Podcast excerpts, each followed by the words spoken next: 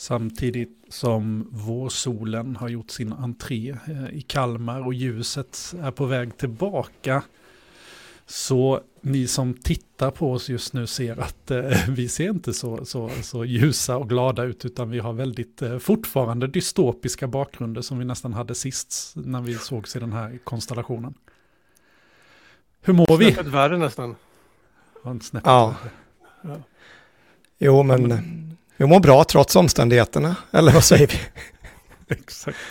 Ja, men det har varit en, det har varit en tung vecka. Vi ska, tung i det, i det att eh, mycket material som har släppts eh, av, av det lite tyngre slaget, eh, varningsklockor som har börjat ringa då, kopplat till AI. Eh, vi, vi, ska väl avhandla det idag, men kanske också lite lättsammare grejer. Vi får väl se vad vi har lyckats eh, spana upp. För det har ju ändå hänt rätt mycket sen vi, vad är det nu, en och en halv vecka sågs i, i det här formatet.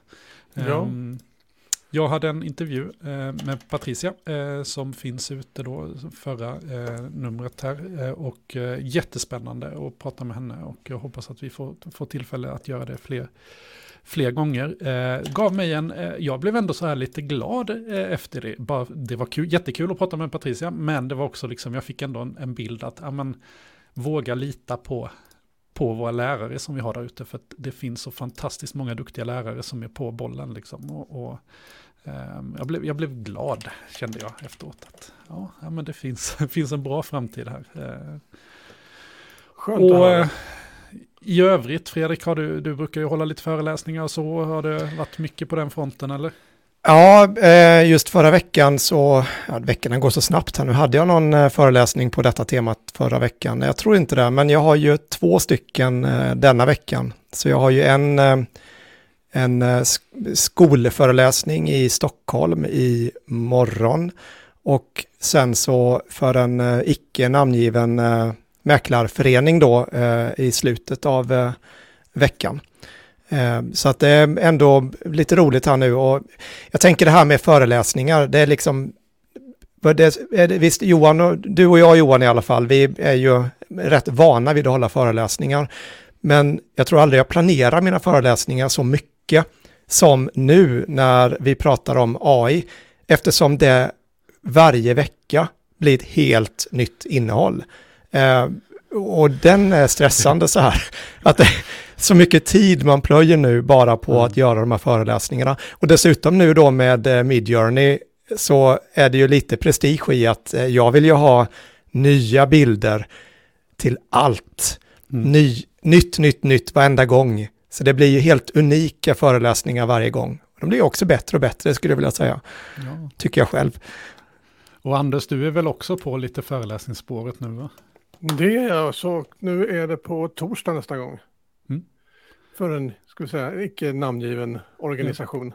Ja. Ja. Delar du upplevelsen där att det tar tid att göra de här? Man, man sätter ribban högre på något sätt nu när man har alla de här verktygen.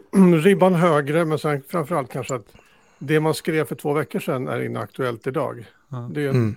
ett problem i det hela. Ja, jag skulle säga jag ska, hålla, jag ska också hålla två föreläsningar denna veckan och en av dem ska jag faktiskt återanvända och det är min lästa vass-föreläsning då som jag gjorde för typ två, tre veckor sedan. Men jag tänker att den, mm. den håller ändå jag, om, jag, om jag tweakar den lite och lägger till lite och det är ju lite sorgligt med tanke på att man har lagt många timmar på det och förr när man la ner, alltså då höll det ju i kanske ett helt år man kunde återanvända. Saker. Mm. Men det är helt ovanligt. Fast det var ju ett konstverk du gjorde, den föreläsningen Johan. Så att den är... Ja, men ja. precis. Det är mycket tid ned liksom. Och vill ni, mm. vill ni komma och lyssna på den då så är det Suniveb eh, här i Kalmar då på onsdag. Eh, som, eh, mm. som jag ska hålla den då. Och sen, sen ska jag ut på, på en institution och, och prata också om, eh, med journalister eh, kring vad det här då eventuellt skulle kunna innebära om, om, om vi tror att det kan innebära något för journalister. Jag, jag mm. misstänker att svaret är att vi tror det. Mm. Och jag träffar lite journalister på torsdag också. Det känns som att det här är inget synkmöte eller vad? Nej, men det blir nästan. det, det, händer, det händer lite grejer här eh, hela tiden att göra. Mm. Men eh, nu, nu började ju vara, eh, blev jag uppringd bara här ja, bara idag faktiskt nu då, att eh, nu börjar de att granska och titta på hur företagen faktiskt använder de här verktygen. Så nu har de ändå kommit på den bollen då, eh, media. Så det, det kanske blir nästa vinkling nu då från att eh, man upptäckt att... Fokuserat mycket på skolan. Ja, ja precis. Så att det, det kanske är en, en, bra utveckling här nu då. Ja. ja. Um, vad ska vi börja reda i den här eh, soppan vi har framför oss av, av eh, nyheter som har släppts på Twitter, av poddar som har släppts av, ja, det har ju hänt så mycket. Um, ska, vi börja, ska vi gå rakt på sak och börja, vi har döpt det här till Moloch. Uh, och... Veckans snackis helt enkelt. Ja. Mm. Var det bara, det, det, blev det kan vi säga på Discorden, vår Discord som ni gärna får eh, springa in till. För där började det pratas om Moloch och det där kommer väl sig av att eh, det här nämndes då i en intervju mellan Max Tegmark och Lex Friedman. Eh, som eh, jag verkligen kan rekommendera alla att lyssna på. Vi kanske kommer att bryta ner vissa delar av den där här. Eh, men eh, där togs det här då upp som ett, vad ska vi kalla det, ett exempel på hur mänskligheten har en förmåga att förgöra sig själv ofta på uppdrag av den här Moloch, eh, den här karaktären. Den här, eh, jag vet inte vad det, vad det är från början, någon form av gud eller något kanske? Ja, ja. Det är något i den stilen. Ja, det är någon, någon demon eh, i någon hebreisk eh, tappning där då, eh, som jag förstått det rätt. Eh, jag tog ju med friheten att göra en liten illustration av Moloch här. så att ni, ni som ser här då och det är ju lite på temat här nu av det som också har snurrat runt i eh, media eh, den senaste tiden då när vi ser påven hitta på eh, det ena häftiga eh, utstyrseln efter den andra.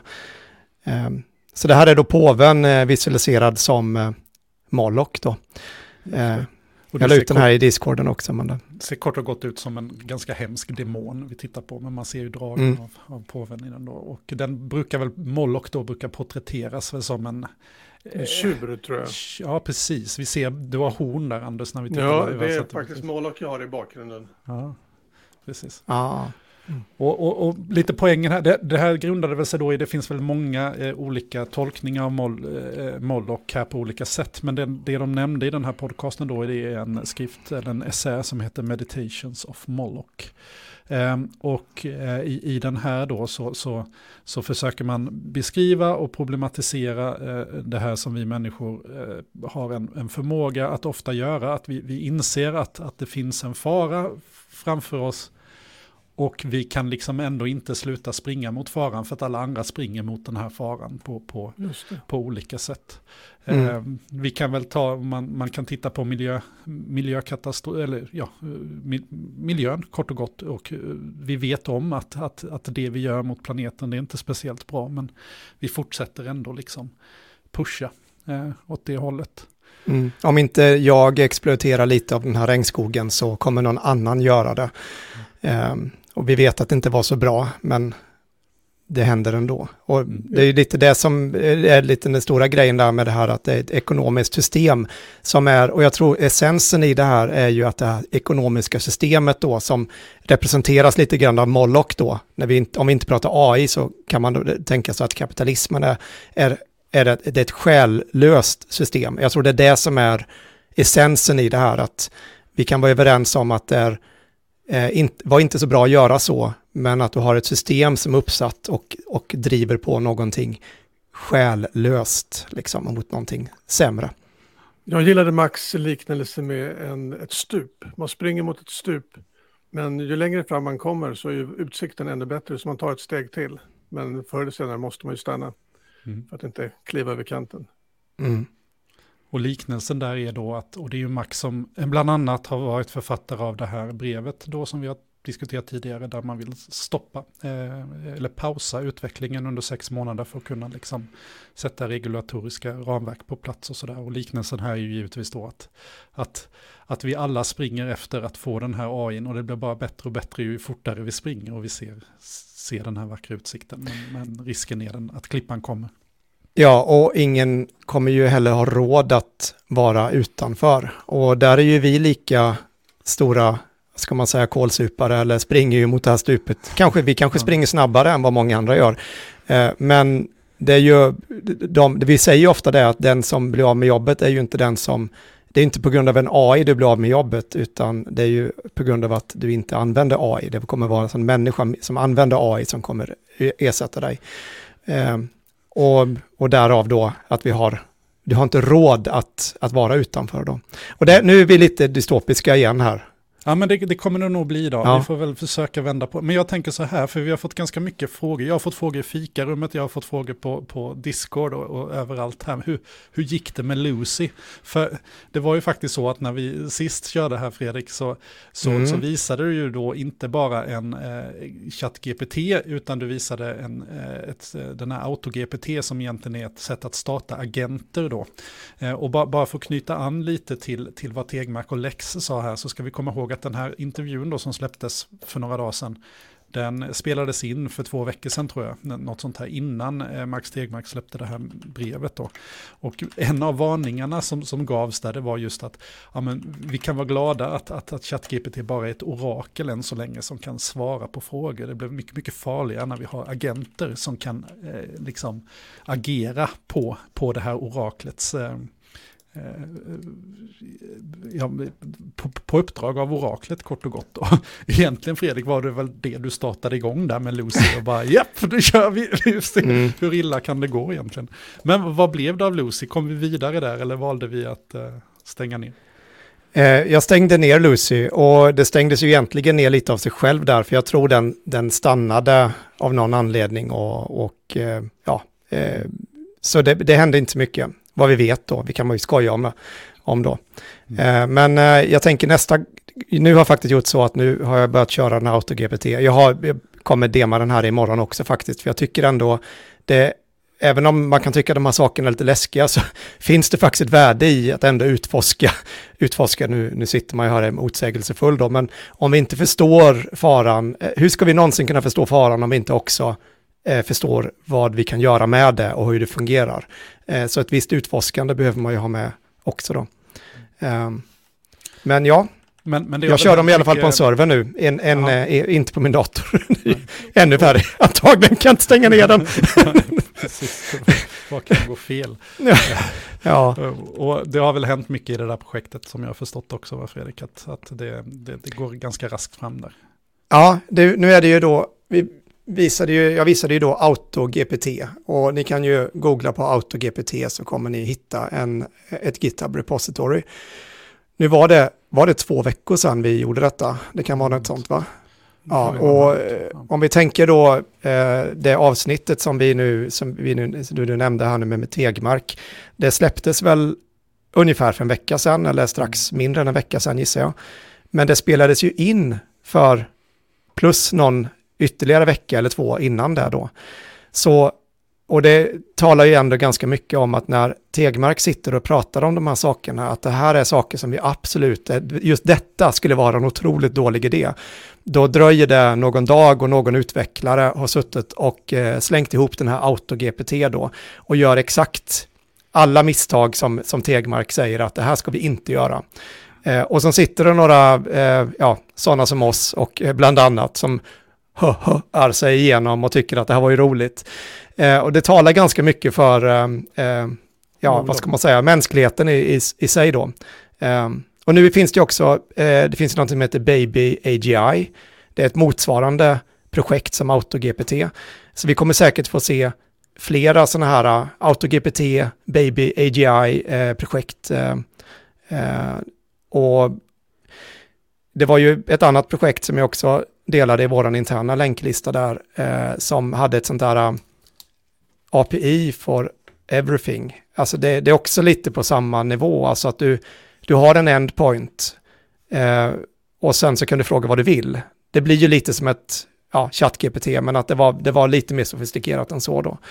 Eh, och det börjar ju också komma det här, eh, det finns en hemsida som heter Godmode, eh, jag tror vi har den där lanken någonstans här nu, men det är ju AutoGPT, fast någon har paketerat den och lagt det på en webbsida. Mm. Eh, så att det blir, eh, alltså det är redan, du behöver, in, du behöver inte ens kunna eh, klona ett GitHub-projekt och skriva pip install requirements och lägga in lite nycklar, utan det ligger redan nu tjänster på nätet öppna där du kan sätta igång en sån här agent i din webbläsare. Man bara väntar på en Dan till God mode. ja, precis. Ja. Men äh, vi kommer nog, så här, vi får ägna lite tid åt den här podcasten, det får, alltså mm. Tegmark, eh, Friedman podcasten, för jag tycker lätt det är värt det. Och, eh, ska vi bara, alltså kort, vi har ju berättat om Max Tegmark tidigare, men han är ju professor på MIT i Boston.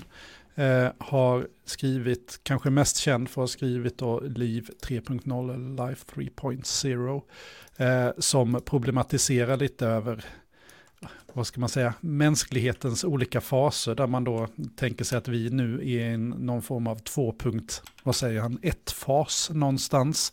Där, där 1.0 är det här livet som vi har runt oss med, med kanske encelliga och bakterier och liksom den typen av liv.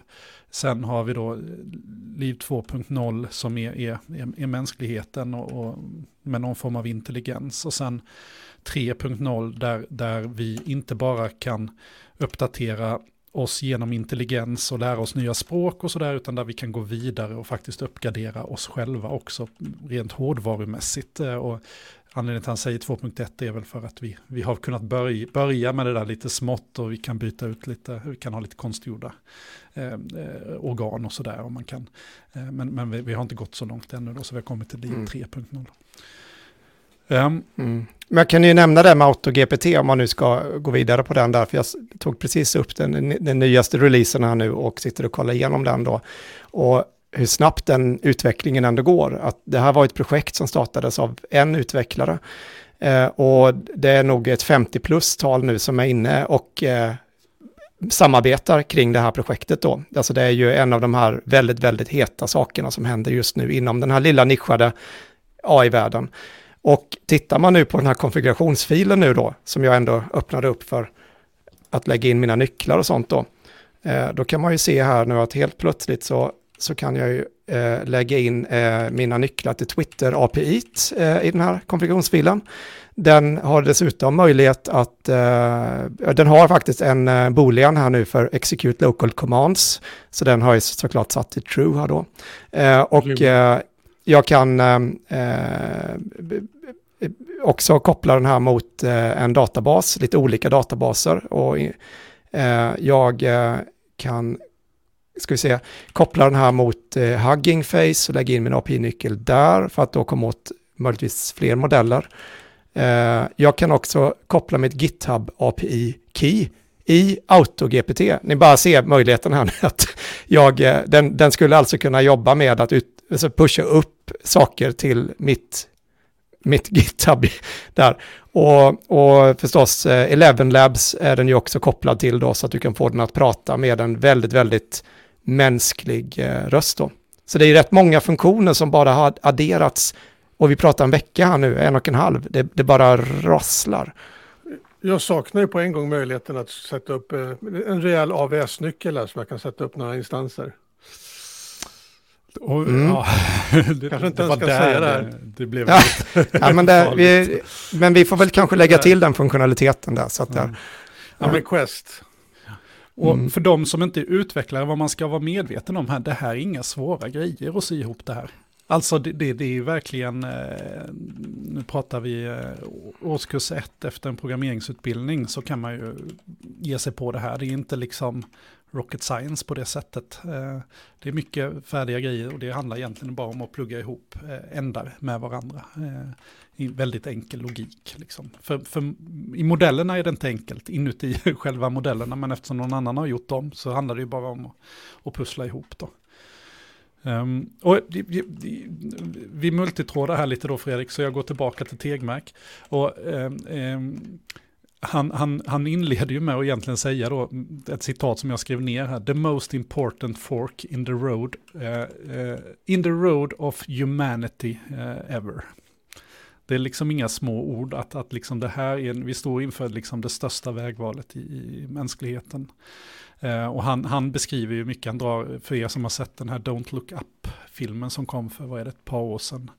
Um, drar mycket likheter mot den, att, att, eh, att vi liksom, det kommer någonting stort mot oss, men vi, vi liksom Nej, vi, vi, Vill vi, inte vi se det. fokuserar, nej, vi vill inte se och vi fokuserar på andra saker istället. Mm. Eh, ehm, vi- en sak jag tog med mig, jag tycker det här är så fantastiskt bra, jag har inte kunnat släppa det.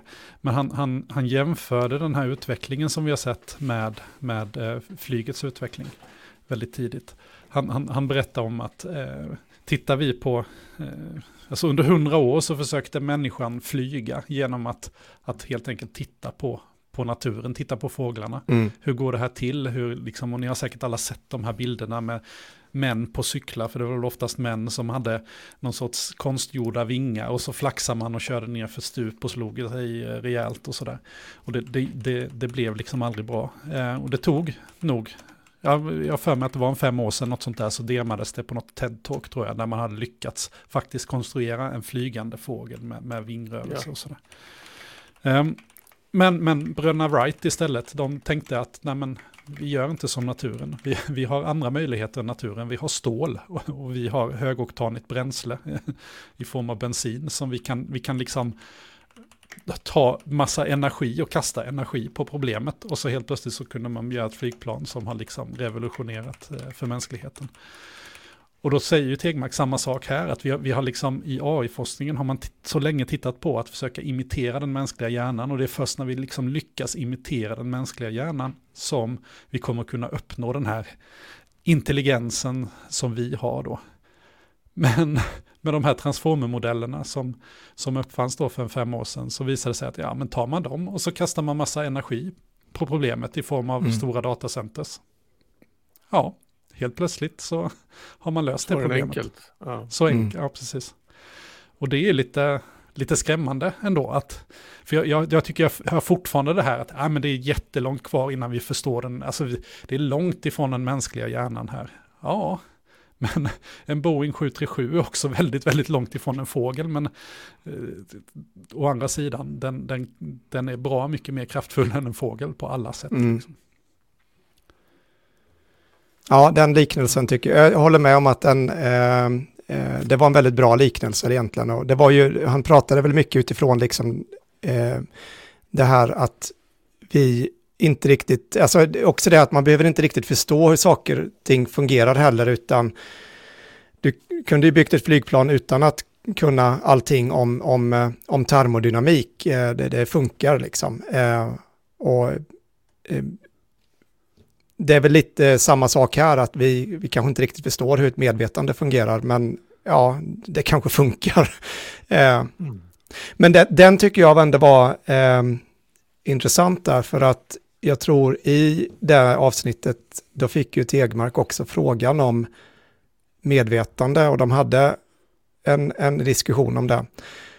Och eh, det var det väl lite det att han la ganska mycket tid på att prata kring vad defini- alltså man måste först då sätta definitionen vad vi, vad vi menar med ett medvetande. Att vi inte är överens om den. att det är ofta där man, där man fastnar. Det gjorde Ja. det nästan vi också när vi försökte oss på det där. Liksom, att Ja. Det är lätt man hamnar, i- fastnar i den diskussionen. Bara. Ja. Kommer Ni får ni hjälpa mig på traven här nu, men du, eh, vad, alltså Tegmarks definition av medvetande enligt den här podden då, han förklarade det på ett, eh, ett ganska enkelt sätt där. Ja, men han, han hade ju, eh, jag tror han har lånat den från, nu kommer jag inte ihåg vad den eh, forskaren hette som, som hade, eh, men en ganska enkel definition, det var väl just det här att, att eh, det handlar om, om, om eh, en form av återkoppling i, i hjärnan på något sätt, att vi, vi har möjligheten att, att reflektera över saker och ting om och om igen, att vi, det inte bara är ett informationsflöde som går in på ena sidan och så kommer det ut på andra sidan. De här transformermodellerna är ju det, att man trycker in någonting på ena sidan och sen trillar det igenom ett stort neuralt nätverk med massvis med energi och sen kommer det ut någonting på andra sidan. Utan det handlar om att man hela tiden kan iterera över. Och eh, han menar ju då på att, att stora delar av våra hjärnor är sådana här zombiehjärnor som man kallar det. Det vill säga att, att det, det handlar om att det kommer in en signal i ögat och så bara transformeras den vidare utan att vi behöver reflektera över den. Men, men sen har vi någonting som gör just den här medvetenheten då att vi kan reflektera. Eh, och han menar väl på att de här modellerna som vi har nu, de har inte det. Alltså det är inte ett dataflöde från ena sidan till den andra då. Och han var ju, alltså det, det här tyckte jag var nästan det mest spännande. Han, han uttryckte det som att han hopp... Alltså, man, man kan ju då vara... Så här, Tegmark eh, reflekterar ju mycket över farorna i det här då. Det, det är ju lite där på den sidan han, han står och han, han ser mycket risker och faror med det här. Eh, men då tänker man att då borde det ju vara bra om de här modellerna inte har något medvetande. För har de inget medvetande så, så kanske riskerna då skulle upplevas som, som små. Men, han, men han, han vände ju på det hela och tyckte att det, det är nästan den största faran. Att, att det här är bara stora zombienätverk eh, som, som i princip kan, kan leda till zombieapokalypsen då på något sätt. Att, att vi har de här maskinerna som är helt utan medvetande riskerar att utplåna mänskligheten. Han såg ju ett mycket mer positivt scenario då i att mm. mänskligheten blir utplånad av en medveten AI, för då menar han på att, att då kan våra medvetanden gå upp i en högre livsform, det han då kanske tidigare har kallat 3.0 då, eh, där, där, där vi kan leva vidare i den här nya livsformen, vad det nu blir då. Och det där är också så här, något man behöver tänka en och två gånger på. Ja. ja. Um, men om man blir mycket gladare över det, det vet jag inte. men, um, det är ett tungt avsnitt. Det, det, man, man, man, ser det på honom i, i, något sammanhang. Han får någon fråga vad han tror och han liksom, man ser han tänker på sina barn och liksom, ja de går i skolan mm. nu, men vad är det för värld de kommer komma ut till efter skolan? Och då pratar vi inte hundra år, då pratar vi några år liksom. Mm. Vi gick faktiskt till notesen här nu för att jag försökte hitta liksom vad, eh, vad, vad var han, det så här, consciousness is defined as a subjective experience. Han var ju inne lite på det där att om du kan ha en upplevelse om någonting, eh, då kan du alltså kalla att du har e-, ett medvetande enligt den definitionen då. Eh, och lite som du var inne där på Johan då, att du kanske inte kan ha en upplevelse om någonting om du bara reagerar på någonting. Att eh, om, ja, om någon slår mig på knät och eh, benet flyger ut eh, som en reaktion på det.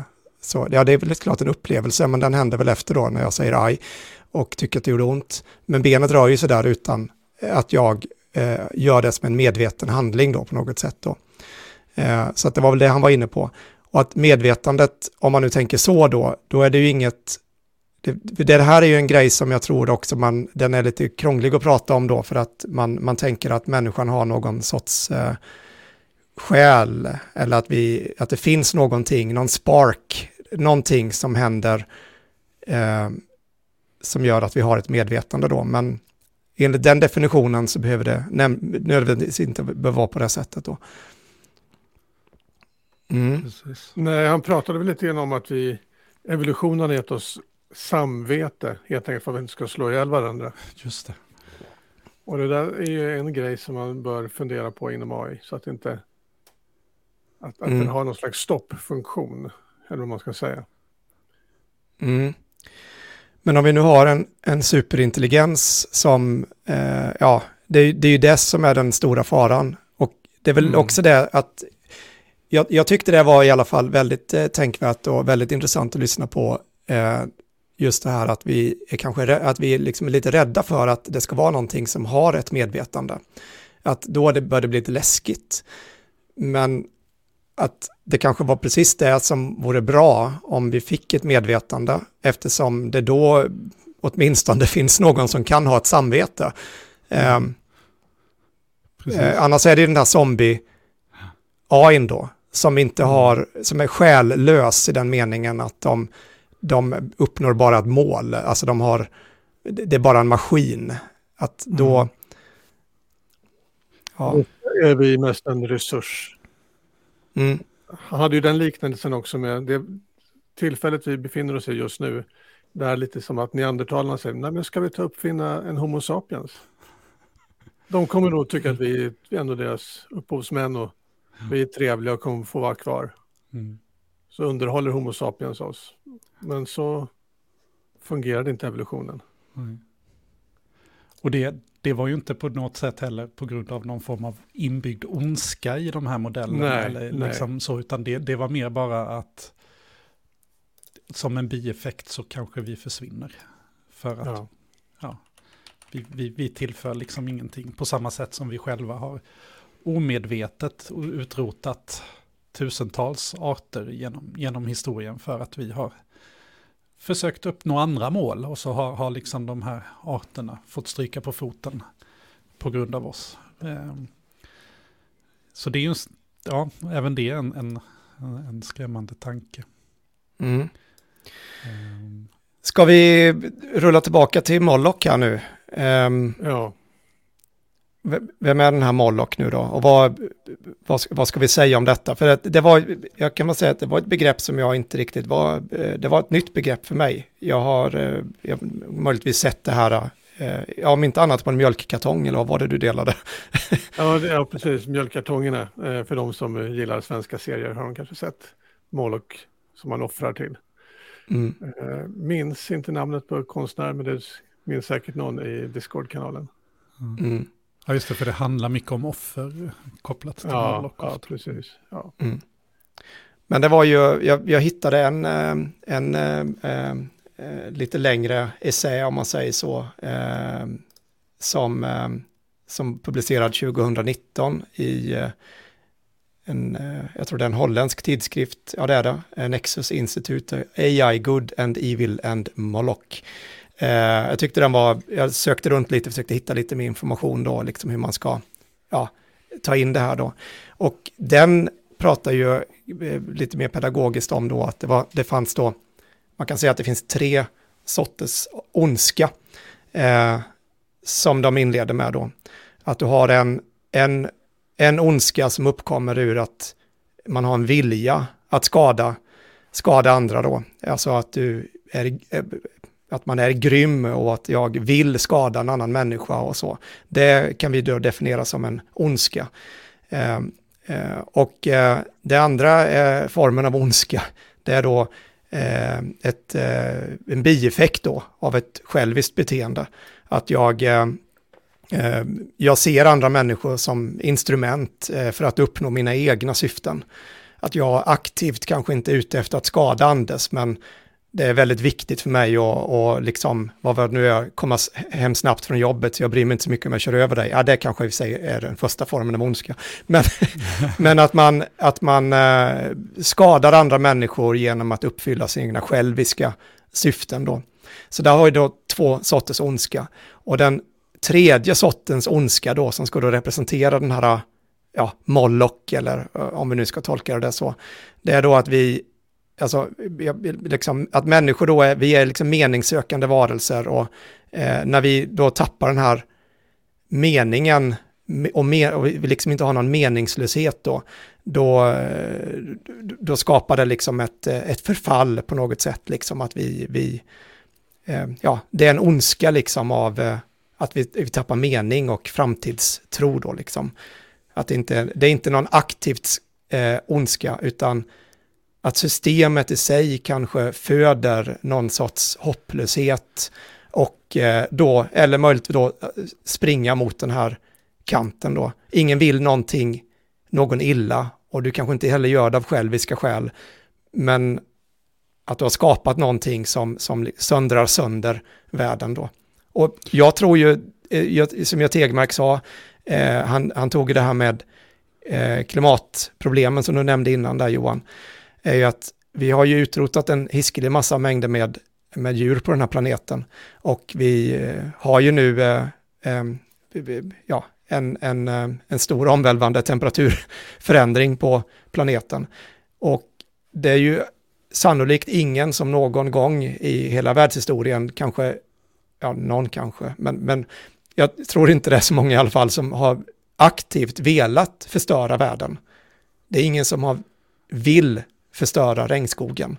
Det är ingen som vill att vi ska ha översvämningar och orkaner och att människor ska dö av eh, det ena och det andra. Utan det är ju som ett resultat, om man säger så, av ett system då. Ehm, och det är väl där då som AI kommer in, att vi kopplar detta till AI, så kommer vi kunna hamna i ett likadant system, att vi kan göra allting med ett väldigt gott uppsåt och att vi landar in i någonting som gör att vi har återigen då förstört lite för oss själva eh, som mänsklighet då. Jag tror det är kring de grejerna och det är det som gör det, tycker det är väldigt svårt då eh, att ta an det här på något sätt. Eh, det är väl det första stinget av Moloch man har fått här nu då kanske. Ja, men det är ju lite av Molochs grej att du ser faran men fortsätter ändå. Mm. Den lurar oss till det. Och, Och jag menar, vad, vad skulle vi, om vi nu anser att vi ser den här faran och vi verkligen inte ska gå på Moloch, vad ska vi göra då? Ska vi, vi, vi borde lägga ner podden. Vi borde nästan köra Eh, Greta-stuket och liksom eller, så verkligen... ser, eller så ser du det som en upplysning. Men det är lite problemet med Moloch. Hur upplyst du än är så tar du nästa steg. Ja. Mm. För jag vet, jag kommer fortsätta att ta nästa steg. Jag är ledsen. Ja, men så, så är det ju. Och det, Ja. det, är- det är ju förbannelsen med det, om man ska säga så. Mm. Och det, och Men- det är ju vägvalet att det kan, bli, det kan bli bra eller det kan bli dåligt, men det blir inte mittemellan. Mm. Och sen, sen kan man ju också vända på saker och ting då. Att jag sa nyss här nu att vi har, eh, ja, vi, vi lever i en värld nu då som har en, en betydligt högre medeltemperatur än vad vi borde ha. Vi vet att vi har utrotat eh, massvis med, eh, med djur och sånt, men vi lever också som människor i ett välstånd. Eh, det är fler människor idag som, som kan läsa och eh, barnadödligheten har gått ner och ett välstånd som ändå i absoluta tal ökar runt om hela världen, trots att vi, alltså vi blir ändå rikare eh, och mer utbildade och, och så vidare. Så det, ja, frågan är det värt priset eller inte och så det, det, ja, nu, den är jättesvår.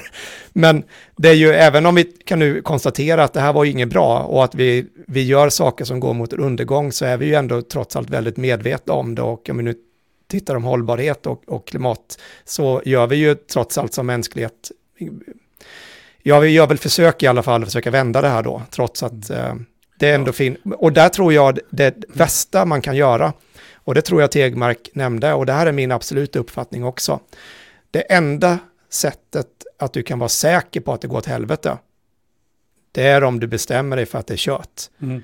Alltså det är, det, det är det enda utfallet du vet säkert att nu är det kört. Det är om du bestämmer dig att det är kört. Och på något sätt så kanske det här är det- liksom det, det budskapet vi ska då eh, säga att ja, det här är en stor fara och att vi kan vara så att vi springer här mot brant, branten här nu och, och stupet tillsammans.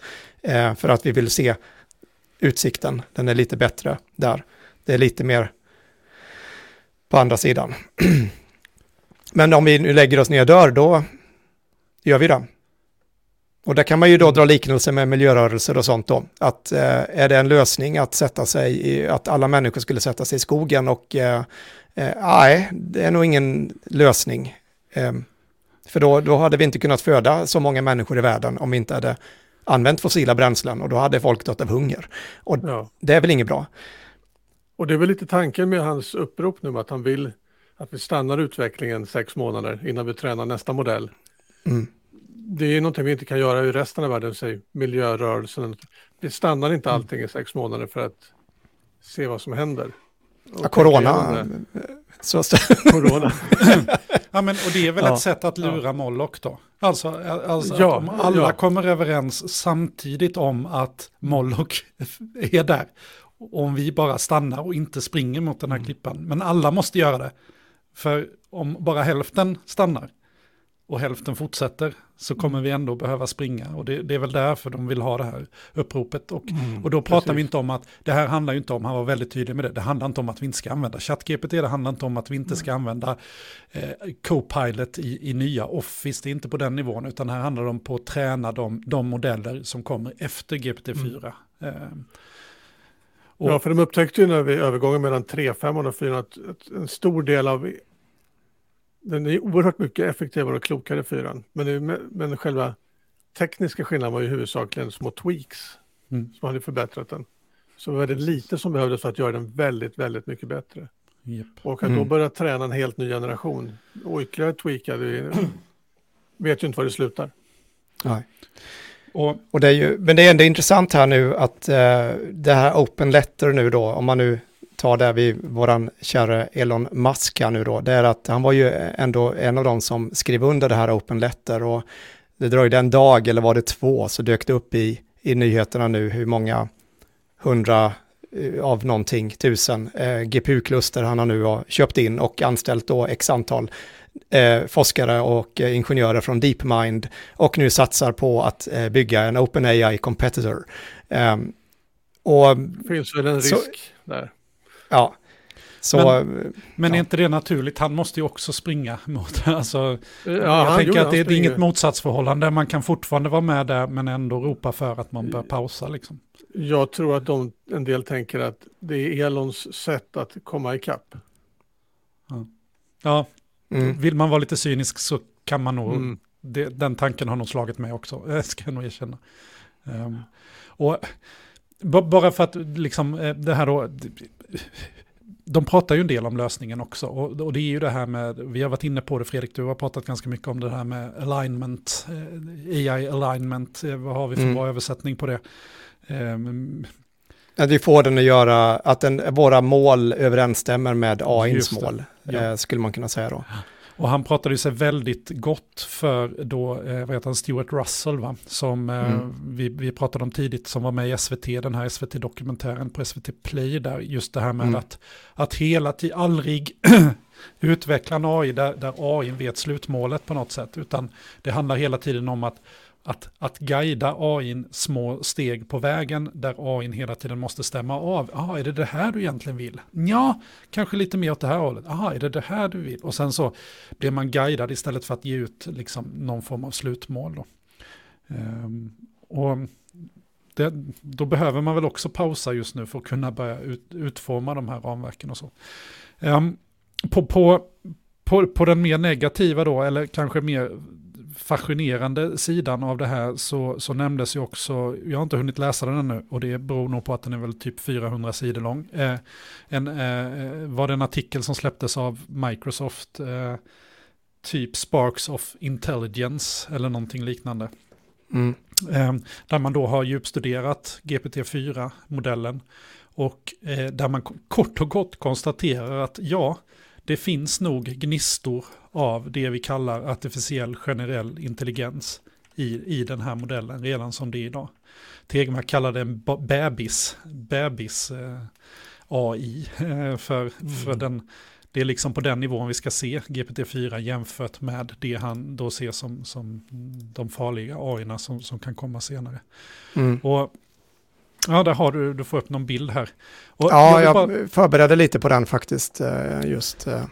Ja, har du någon där, jag har en, det jag fastnade på i den här är, jag tittade på en snabb sammanfattning bara av det och det, det jag tog med mig det var att jag har inte tänkt på det tidigare, men GPT-4, den, när de har tittat på den här GPT-4-modellen så har de tittat på den modellen som inte är tränad på bild och så. Och, och det här kan vi känna igen även sedan GPT 3.5. Om ni kommer ihåg så, jag lånade ju ett exempel av någon här och, och så bad jag den liksom i 3D-modell generera upp en billig bokhylla.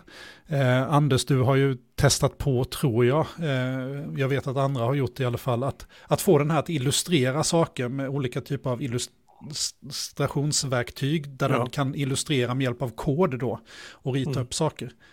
Men saken är ju den, den är ju aldrig tränad på bild. Den, den vet, alltså konceptet bild är ju någonting den har läst, läst sig till. Den, den, har ju, den har ju inte tränats på bilder. Och lik förbaskat när de testar den här så kan den rita upp enhörningar, den kan rita upp modeller från spel eh, och annat. Och det fick mig att börja tänka till lite. Bara shit, ja, men det, det, alltså, den har på något sätt ändå få, fått greppat det här liksom ah, visuell konst eller visuella liksom begrepp utifrån att bara läsa texter. Mm. Och om man kopplar nu då, för det, det är ju, eh, återigen då, det händer ju, som det, nu, det här är väl det vanligaste vi säger i podden nu, så jag blir trött på det nästan, det händer så mycket. Men det här kom ju, det här paperet kom ju den 12 april, vi spelade in det här den 17, så att det är, eh, eh det, eh, allting är ganska nu då. Eh, och eh, eh, det de gjorde i det här var ju väldigt mycket att titta på liksom förmågorna på GPT-4 då. Så att det de konstaterar här nu är ju då att den klarar av att lösa väldigt mycket svåra uppgifter. Eh, alltså matematik, eh, kodar kunde ChatGPT 3.5 väldigt bra också då. Eh, men den, den, klarar av så väldigt mycket. Eh, och de eh, kallar ju det här papret då, vilket är lite så eh, en tuff titel egentligen då, av Sparks of Artificial General Intelligence, Early Experiments with GPT-4. Eh, och eh, de ser ju det att den är ju mycket nära människolik prestanda då. Eh, och de, de, de, är lite spånande i det här eh, papret förstås då om, om eh, vad vi ser eh, och inte ser. Men vi kan ju konstatera att den beter sig väldigt, väldigt intelligent. Eh, och lyssnar man då på, det är ju återigen när man backar liksom fyra, tre avsnitt bakåt i tiden till eh, Elitier Judkovsky, i, som också var i, i eh, Lex Friedmans podcast då. Mm. Han är ju en doomsayer i detta då. Så om man tyckte att Tegmark var lite mörk att lyssna på så, eh, så ska man ju vara lite försiktig när man lyssnar på, på eh, Elitier Judkovsky då. Eh, men han är väl lite, även om inte han säger det rakt ut då, så jag har läst det någon annanstans då, men han har väl lite av den här åsikten att det är nog dags nu att fundera på om vi ska bomba alla datorcenter. Att det är på den nivån ungefär. Eh, för att eh, vi, vi, vi vet inte, han menar på att vi kommer aldrig någonsin kunna lita på en AI. Eh, det är lite den tesen han kör. Att vi nu tycker att GPT-4 kanske vi säger att ja, men den är inte så intelligent. Alltså den är ändå så här, vi gör lite experiment på det. Men hur vet vi att AI inte bara låtsas vara lite dummare än vad den är? Det vet vi inte. Och varför vet vi inte det? Nej, för vi vet inte hur modellen fungerar. Vi, vi har inte den kunskapen. Eh, vi vet väldigt lite om hur de fungerar. Vi vet hur, hur, modellen är uppbyggd, men vi vet inte när vi skriver in någonting och vi får en output, hur blev det där? Där vi har tränat en jättestor black box. Lex tog ju upp det lite grann med att vi har länge använt AI i en lite tidigare form i sociala medier för att lura oss att köpa Just saker. Det. Ja. Vi, har, alltså, vi har alltså tränat AI på att lura människor under lång tid i stora sociala medier. Och det är en, en sån dålig grej, till som ett grundincitament för att skapa ett tryggt AI. Och där är vi tillbaka på Moloch igen då. Är ju, ja. Det var också ett exempel han, han tog upp där, jag tänker, det är ju det här att vi har ju, vi har ju redan AI i, alltså vi lever ju redan med AI. Alltså går in ja. på Amazon och köper en tröja så kommer du få en, det är en AI-algoritm som kommer skicka e-post till dig om andra tröjor mm. du kanske skulle vilja köpa. Eller booking-sajter eller vad det än är. Och, men en sak som vi har lyckats förstöra eh, är ju eh, sociala medier. Sociala medier är ju då, alltså vi lever ju nu i Eh, en tid när eh, Trump blev förra året, då, eller förra rundan, då, han har ändå varit president liksom. Eh, och till viss del på grund av att vi har algoritmer som jag promotar content med hat i. Vi har algoritmer som gör oss människor kanske mer ensamma än vad vi har varit innan. Eftersom de bara maximerar att vi ska sitta och titta i en skärm. Mm. Ja, vi ska, vi ska titta, titta på TikTok och nästa mm. video är du fastnar. Och vi kan nog känna igen det i varierande grad lite hur mycket, men vi, vi är ju redan där. Vi har redan en AI som börjar förstöra våra mänskliga relationer. Eh, och, så det har vi redan lyckats förstöra. Eh, och varför har vi hamnat där? Eftersom ingen social medieplattform som inte har använt AI har ju kunnat bli mer populär än någon annan. Så ingen, ingen jag tror inte Facebook och Mark Zuckerberg och, och, och, och Twitter och ingen av de här har ju kanske egentligen velat att det skulle bli så här. Jag tror inte det, utan det har nog Nej. varit goda intentions hela vägen. Men vi har, vi vi har landat in i något. Vi kan nog vara säkra på att den här träningsdatan som flera års sociala medier har skapat kommer läsas in i nästa GPT-version, eller vad man nu ska säga, som ja. Meta tar fram eller som Musk nu tar fram i sitt nya bolag och Twitters databas med mm. vad det kan finnas där. Och då mm. har vi ju den här uh, underlaget. Återkommer, Ja, precis, och återkommer vi till de här tre punkterna på, på saker du inte ska göra när du skapar en AI. Du ska inte Lär den inte lära koda. Den, koda. Du ska inte ansluta den till internet. Och du ska inte lära den om mänskliga sociala beteenden. Låt oss bygga en chatt så folk kan prata med den. ja. Han hade ju en fjärde egen punkt, Max, där. Skapa inte ett API. Nej, precis. Det var den sista. Tur att vi inte gjort det. Eller vänta nu. hade vi uppfyllt de här fyra? Jajamän. Ja.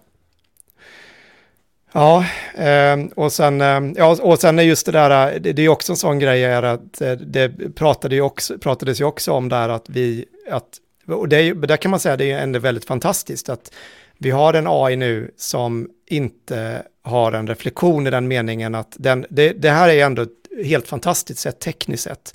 Det är att om, om jag som människa ska utföra en uppgift som att till exempel skriva en dikt eller skriva någonting, eller jag ska lösa ett problem av något sätt då, då går mina tankebanor rätt många varv. Jag har många loopar som händer i mitt huvud. Jag, jag tänker på det, jag testar, jag tänker tillbaka och ja, det går långsamt men jag kommer nog fram till någonting till slut. Men detta är ju för min tankeprocess är då en eh, i en, någon sorts loop då, jag reflekterar och tänker och, och det var nog inte så bra och så vidare.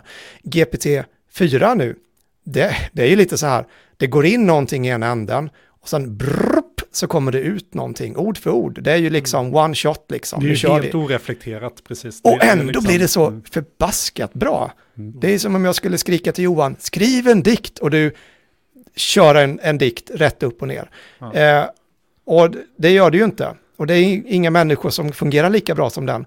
Så om, om du lägger på det lagret då av att du också kan självreflektera. Och hur skulle man kunna göra det? Med, det är det man simulerar med prompter idag.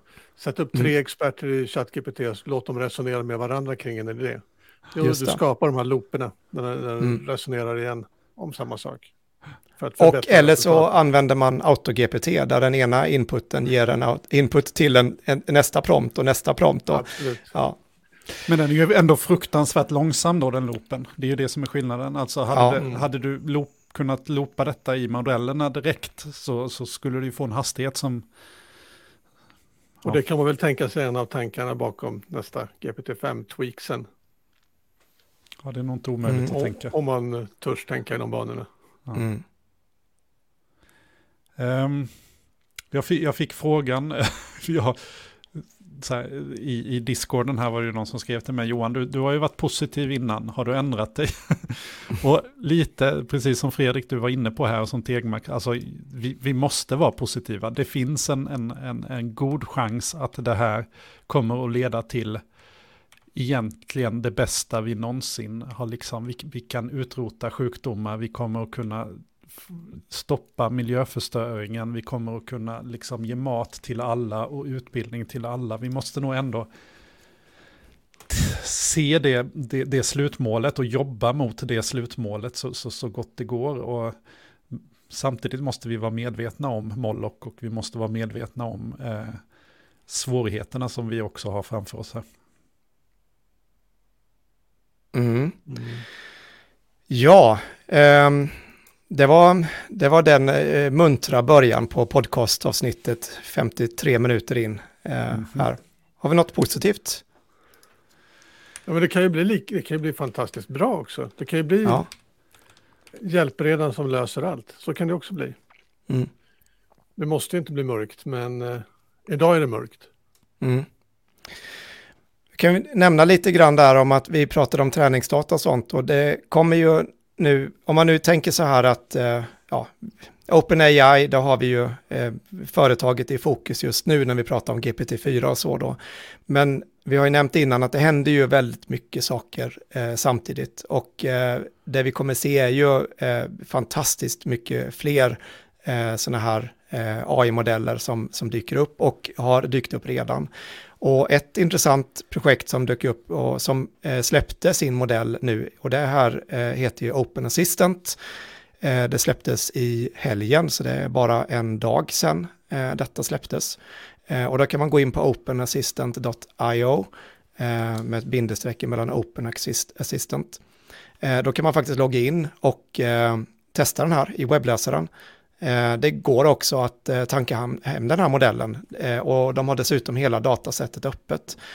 Och det är ju som de själva säger då, det här är ju Open AI, but with space between Open and AI. Så att här är det öppen AI då. Och den här har ju tränats på bara mänsklig crowdsourcad data.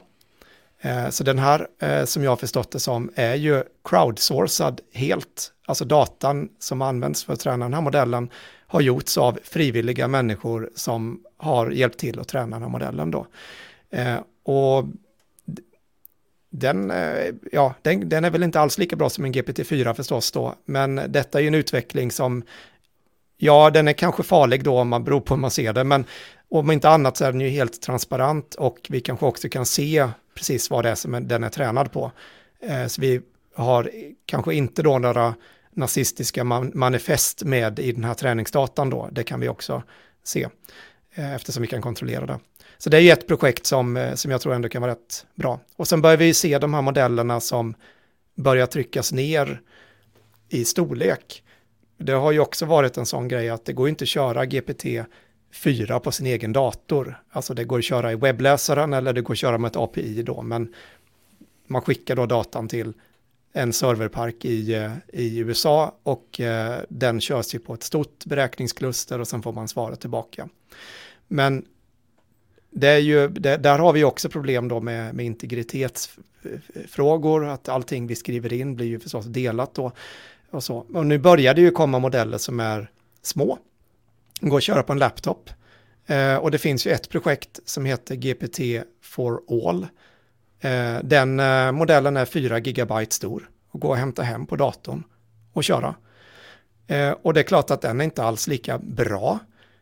Men glöm inte bort då, alltså tänk så här att den modellen, om vi hade kunnat köra den i ja, oktober förra året, då hade vi bara tyckt att det var så coolt. Mm. Um, ja, så där eh, var det. det, det jag hittade någon som hade satt samman en, eh, en lista med, eh, med en, en hiskelig massa, massa olika sådana här, eller så en curated list av, av stora language-modeller. Som, som kan vara värt att titta på om man ska se vad som finns där ute. Så att eh, det, det är ju, eh, det är som sagt, det finns ju, det finns andra saker. Så här är en lista som heter Awesome LLM and GitHub Repository. Eh, och då kan man ju se att det finns eh, väldigt mycket här under, under solen här. Mm. Ja. Vad har mer hänt sen? Um, det har väl släppts uppdateringar och det har släppts nya modeller och det, det har kommit så mycket nu så att jag har nästan tappat räkningen ja. lite. New York Times skrev ju att Google håller på att bygga en AI search. Mm. Mm. de ska, istället för att visa tio resultat per, per sida så ska du få en, en chattbot som resulterar i svar istället från sidorna på något sätt. Mm. Ja, det var väl väntat kan man tänka sig. Eh, Minst sagt. Och, mm. Ehm, har vi hunnit diskutera, jag pratade lite med Patricia om det, det kom ju någonting, eh, jag vet inte om du har hunnit titta på den Fredrik, eh, den här simuleringen, var det också något universitet i USA som gjorde eh, att man simulerade karaktärer, lite som Anders brukar, brukar Anders simulering fast i någon form av spelformat. Sims-liknande historia. Just det. Ja, precis. Uh, nu, uh, har, nu minns jag inte namnet på det papret där, men det är ju uh, i korta drag där så är det ju att de har använt, de har ju alltså skapat ett gäng agenter som de har satt in i en, i en miljö då. och de börjar då skapa relationer med varandra. de har alla fått en story, så man kan säga att det blir som ett Sims då, men där varje Sims, eh, och jag tänker på spelet Sims då, mm. har en livshistoria och en intelligens eh, i form av då GPT-4. Eh, och det kan ju bli rätt intressanta utfall av det då. och det är ju om inte annat då så kan man ju säga då att spelutvecklingen framåt, alltså att mm. de här non-player character, NPCs, det kommer ju, alltså det kommer ju vara så sjukt häftigt när du, mm. du skulle ju kunna bli kompis med någon spelkaraktär där. Mm. Och liksom ha någon, någon sorts riktig vänskap eller, eller ja, det kanske inte är något bra för den här mänskliga interaktionen med omvärlden, men det är ändå, det finns, det, det, det finns ju liksom lite saker som kan hända då, för spelvärlden lär ju inte vara, vara sen på bollen vad det gäller detta då.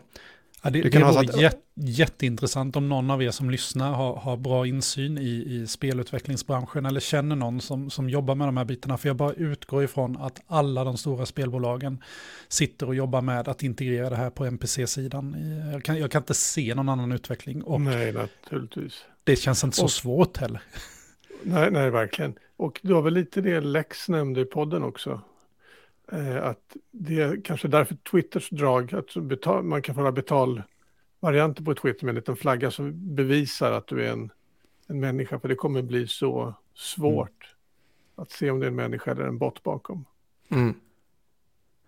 Ja, men vi kommer ju behöva olika typer av kryptografiska lösningar för, för att mm. skilja och det måste ju nästan göras på, jag vet inte om det går att göra på, på någon frivillig nivå, eller, eller om det måste upp på, på nästan statsnivå, likt bank-id, för, för att kunna ja. liksom... Eh, Betallösningen är ju som han sa, deprimerande. Ja. Precis.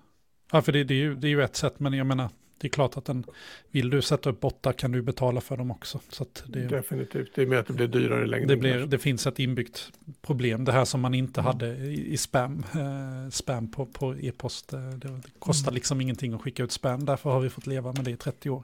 Till skillnad från att när man ska skicka ut reklam på, på vanlig post så kostar det en del och då, då, mm. hålls det ner. Liksom. Så, så pengar, kostnader är ju absolut någonting man kan ha som en faktor såklart. Um, mm. Jaha, har det Jag blir nästan deprimerad av mig själv här nu när man har, har stått och pratat Moloch här i en timme. Ja. Men här har vi något, Generative Agents, Interactive ja. Simulacra of Human Behavior. Ja, precis. Och det är ju då Stanford eh, som har eh, släppt det här då. Eh, och eh, det här har ju delats eh, runt om i eh, olika sociala medier och, och, och på Twitter och sånt då. Eh, men det här gjorde de ju då eh, en sandbox då liksom, där de hade 25 stycken sådana här agenter då som, eh, som de kallar då Introduce Generative Agents då, eh, som då ska simulera ett mänskligt eh, beteende då.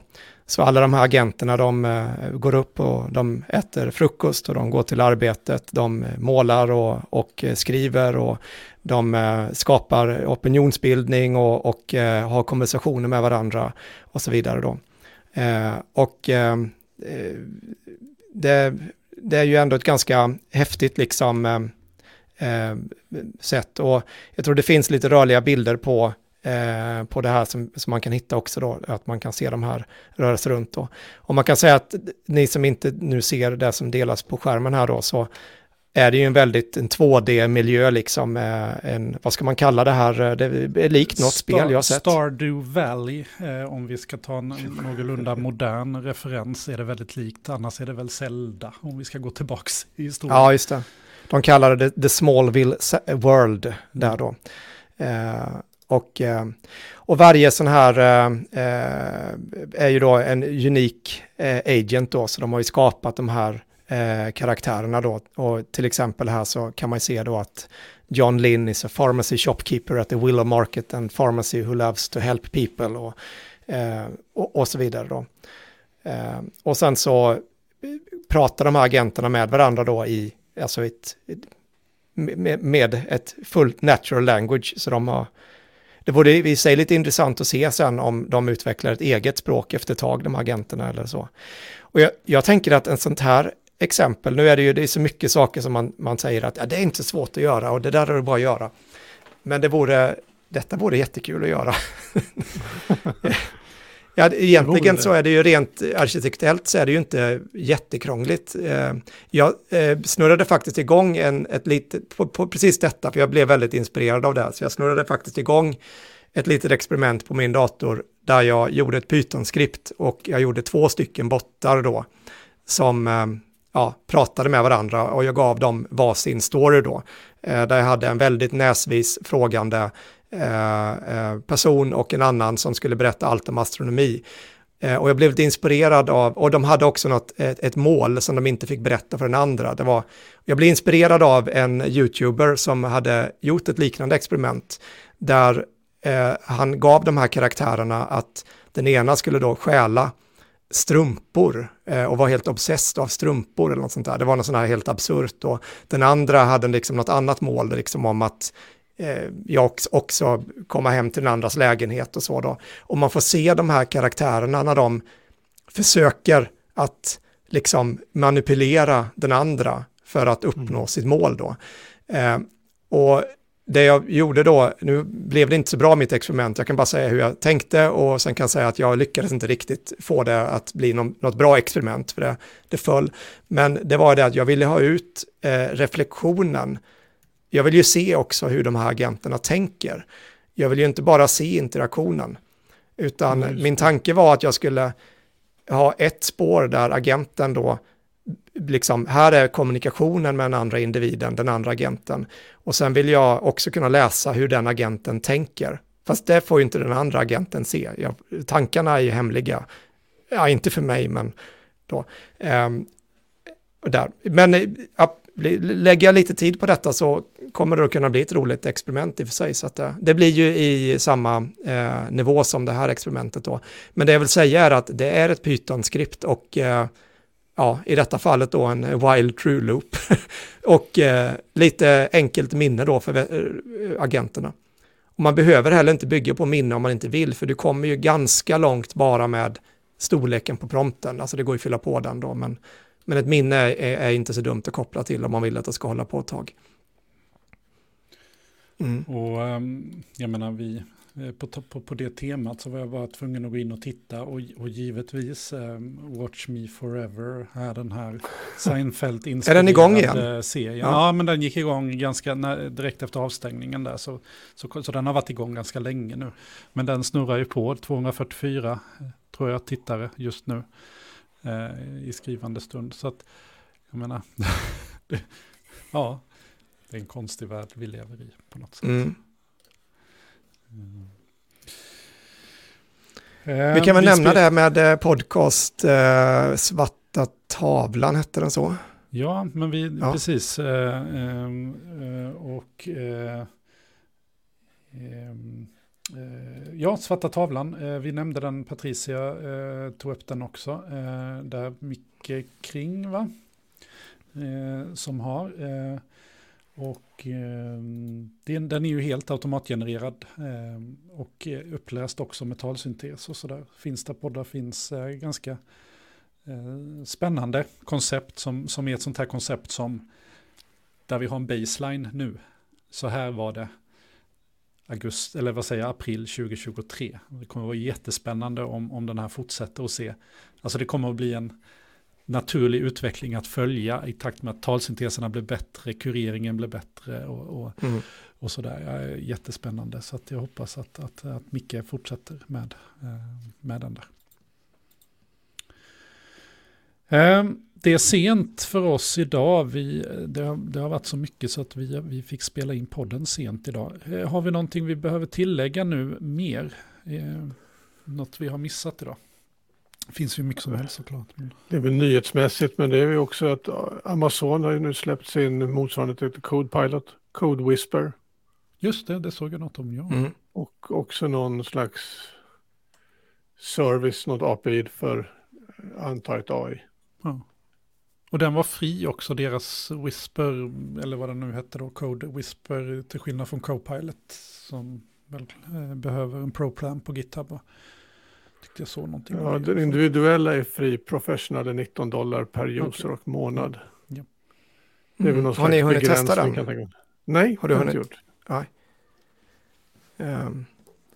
Nej, men alltså just kod, jag tänkte också det att det kommer också en fråga här på våran Discord här Johan mm. till dig angående eh, kod och eh, utvecklarperspektivet. Eh, om det är någonting du tänker att du kan kommentera här i podden. Du får ju ändå lite frågor om, om jag kring tänkte, detta. Precis, nej det jag, det jag tänkte säga där, och det är nästan Anders, om du, du kodar något mer, alltså saken är den, jag har inte hunnit koda någonting sedan det här körde igång i princip.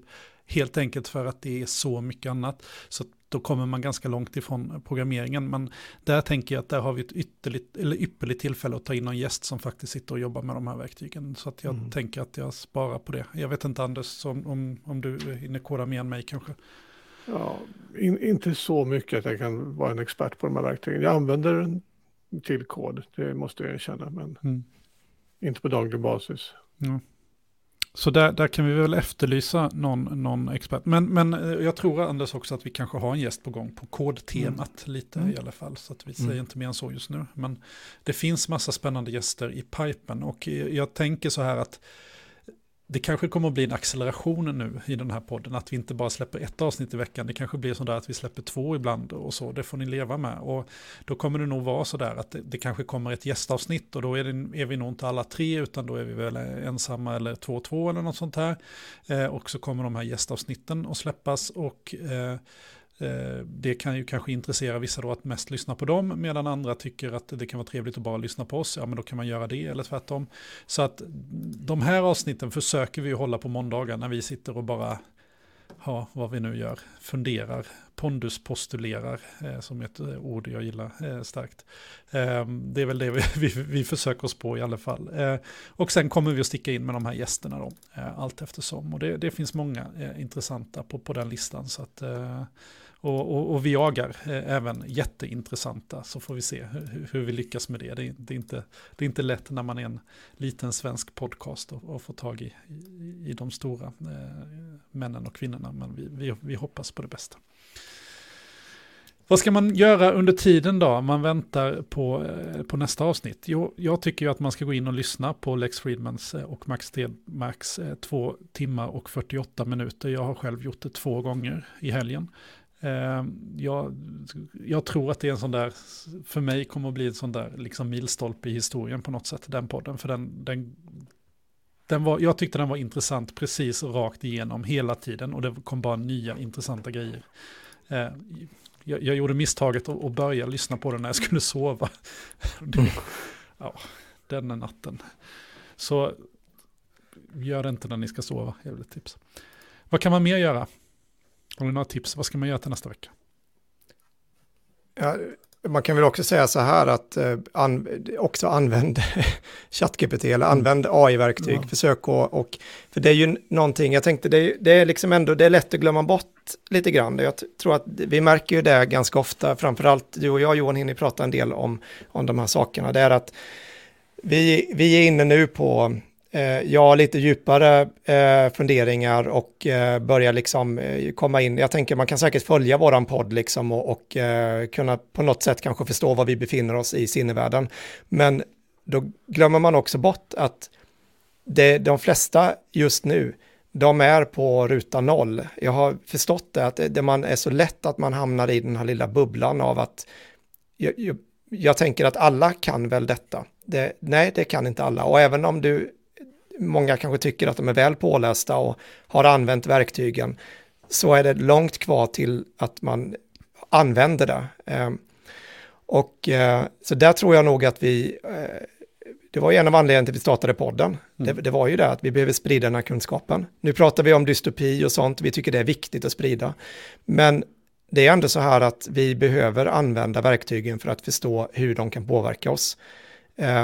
Lite det här mot att springa mot stupet nu då, men vi behöver, vi, vi kan inte komma undan det. Vi har ingenting att diskutera om inte vi också förstår användningen. Och jag bara så här, vi kan, jag bara frågar er här nu, hur använder du, Anders, hur använder du AI idag? I ditt, i ditt liv, jag ska säga inte bara jobbet, i ditt liv. I mitt liv, eh, det är ju väldigt mycket att sammanfatta saker jag fick någon pdf tillsänt mig från, strax innan podden från dig här. Och nu körde jag direkt eh, mm. chatt-pdf på den. Eh, sammanfattat lite längre mejl, någon podcast har jag sammanfattat nyligen. Skriver kod såklart. Eh, jag försöker att peppa mina barn lite grann att bli intresserade av det. Så jag har ju kört, eh, startat, byggt lite skript med ChatGPT till Roblox. Någon som sprutar föremål och bygger banor med automatik. Midjourney har vi genererat Pokémons någon kväll med, med mina barn för att vi skulle hitta på och testa vad det innebär.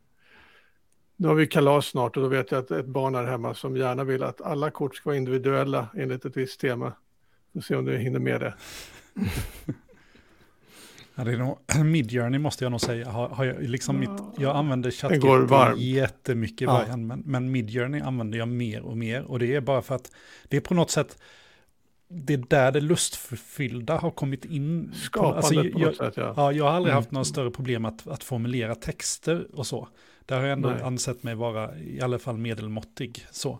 Men konstnärliga sidan, att visst jag kan kanske ta, ibland lyckas ta något bra foto liksom sådär. Jag hade något försök att köpa en systemkamera där jag försökte, men jag var liksom inte tillräckligt bra för kameran. Så att, så.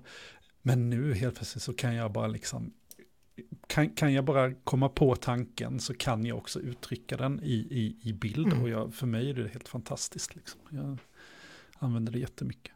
Mm.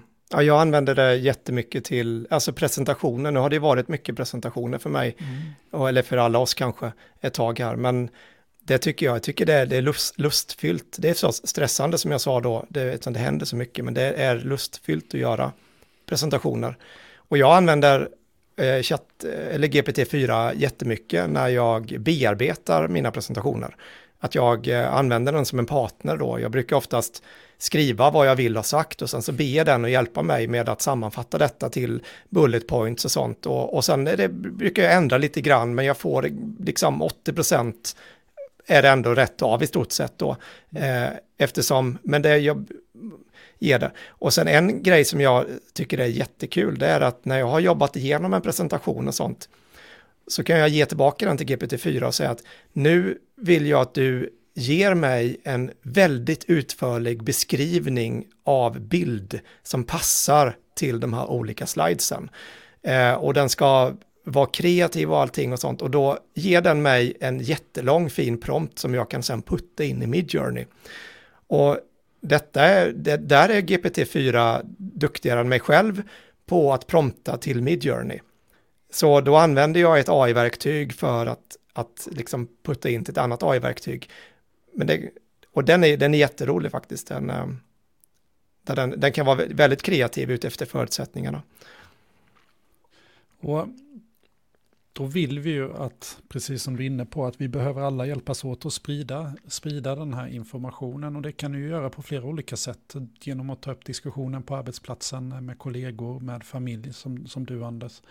Eh, det går ju att tipsa om oss såklart, det får man ju jättegärna göra. Eh, och eh, gör gärna som så att ni går in och, och ger ett betyg i, i er poddspelare. Det betyder mycket eh, om ni gör det för oss. Och gärna dyk in i Discorden, där finns det pågående diskussioner. Eh, jag hinner inte vara med så mycket i diskussionerna som jag önskar. Fredrik är sjukt duktig på att länka tips där som det dyker in lite då och då. Eh, och även andra som, som vi får mycket tips eh, från, så att det är jättekul.